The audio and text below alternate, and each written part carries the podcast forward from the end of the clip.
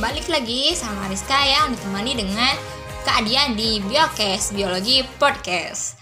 Oke, kalian masih pada semangat gak nih? Semangat dong ya. Oke, karena tadi kita udah sharing-sharing tentang apa sih bioteknologi itu. Sekarang kita di segmen ke cerita gimana sih proses perkembangan bioteknologi dari yang paling sederhana sampai yang paling modern. Masih penasaran gak? Masih dong ya. Oke, lanjut.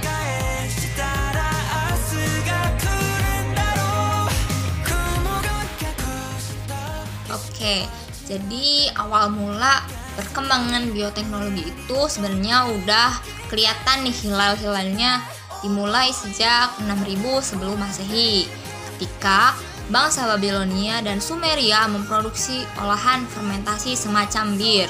Nah, ini baru semacam bir ya karena saat itu teknologinya masih jauh ya kayak gitu.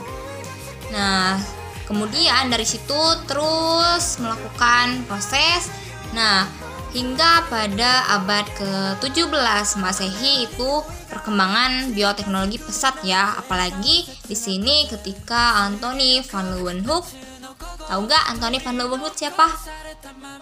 Ini pernah dibahas ketika kalian kelas 7 ya. Ya, betul.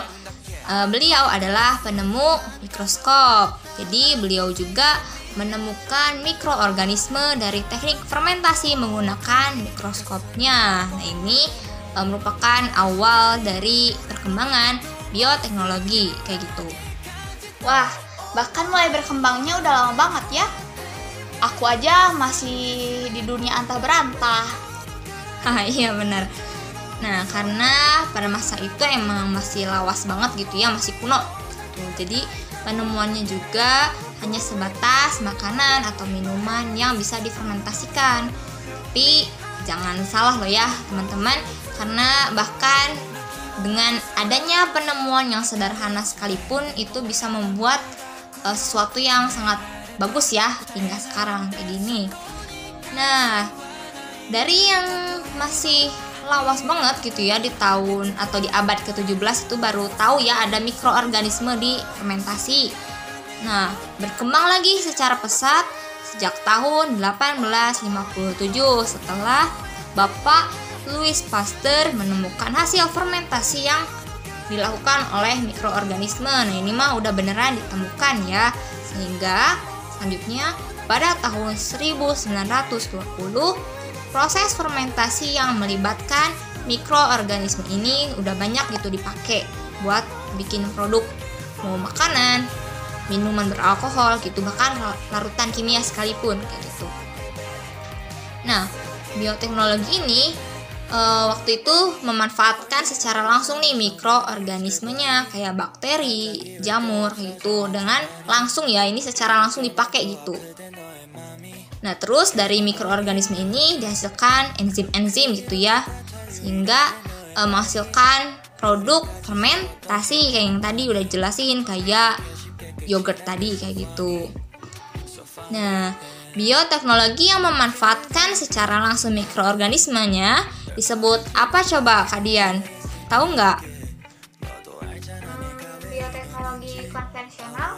Soalnya pakai mikroorganismenya secara langsung dan setahu aku hasil fermentasinya itu sedikit terus karena karena zaman dulu pasti kualitas produknya juga belum segitu bagus. Soalnya kan alatnya dipakainya sederhana. Nah bener ya nice logic. Uh, tapi nih karena kehidupan dan teknologinya juga sudah berkembang, kemudian bioteknologi juga terus berkembang ya sampai saat ini.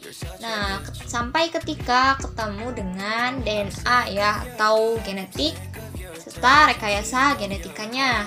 Nah, mulai dari situ bioteknologi berkembang dengan sangat pesat. Nah, kalian kira-kira apa sih rekayasa genetika itu? Kalau nggak salah, kalau nggak salah nih ya, menyusun atau merekayasa pola gen sedemikian rupa sehingga menghasilkan organisme yang sifat-sifatnya sesuai dengan yang diharapkan. Oke, bener juga ya. Jadi uh, karena namanya juga rekayasa ya jadi uh, suatu pola genetik yang direkayasa untuk menghasilkan suatu organisme yang lebih baik atau yang diinginkan Nah, terus tadi kan kalian juga pernah bilang ya, e, lihat semangka yang bentuknya kotak. Nah, sebenarnya semangka yang bentuknya kotak itu juga merupakan hasil dari rekayasa genetika ya, sehingga membuat si e, semangkanya itu jadi kotak-kotak kayak gitu bentuknya. Sehingga bioteknologi yang pakai prinsip rekayasa genetika, biokimia, dan biologi molekuler itu disebut dengan bioteknologi modern kayak gitu. Nah, aku mau nanya kalian lagi nih ya, nggak apa-apa ya. E, gimana sih e, bioteknologi modern itu? Ya, kalau bioteknologi modern, otomatis kebalikannya bioteknologi konvensional. Terus karena ini banyak pakai rekayasa genetika, otomatis alat yang dipakai juga alat modern yang canggih dong. Karena alatnya yang canggih, otomatis kualitas produknya terjamin pasti bagus dan hasil fermentasinya juga lebih baik dari bioteknologi konvensional. Iya, exactly seperti itu ya. Jadi dengan ciri yang udah tadi Kak Dian sebutkan, kita juga bisa tahu ya kalau contoh-contoh produk bioteknologi konvensional itu eh, kebanyakan gitu ya dari produk bioteknologi pangan gitu kayak tempe, tape, keju, yogurt kayak gitu. Soalnya kan eh, produk-produk itu langsung menggunakan mikroorganisme ya tanpa pakai alat gitu kayak tadi yang udah disebutin. Sedangkan kalau produk bioteknologi modern karena tadi udah banyak yang pakai alat-alat modern, otomatis produknya juga udah lebih modern gitu ya. Kayak misalnya tumbuhan transgenik ya yaitu e, tumbuhan yang di transgennya buat menghasilkan tumbuhan yang lebih bagus gitu. Kalau di hewan ada hewan cloning gitu contohnya.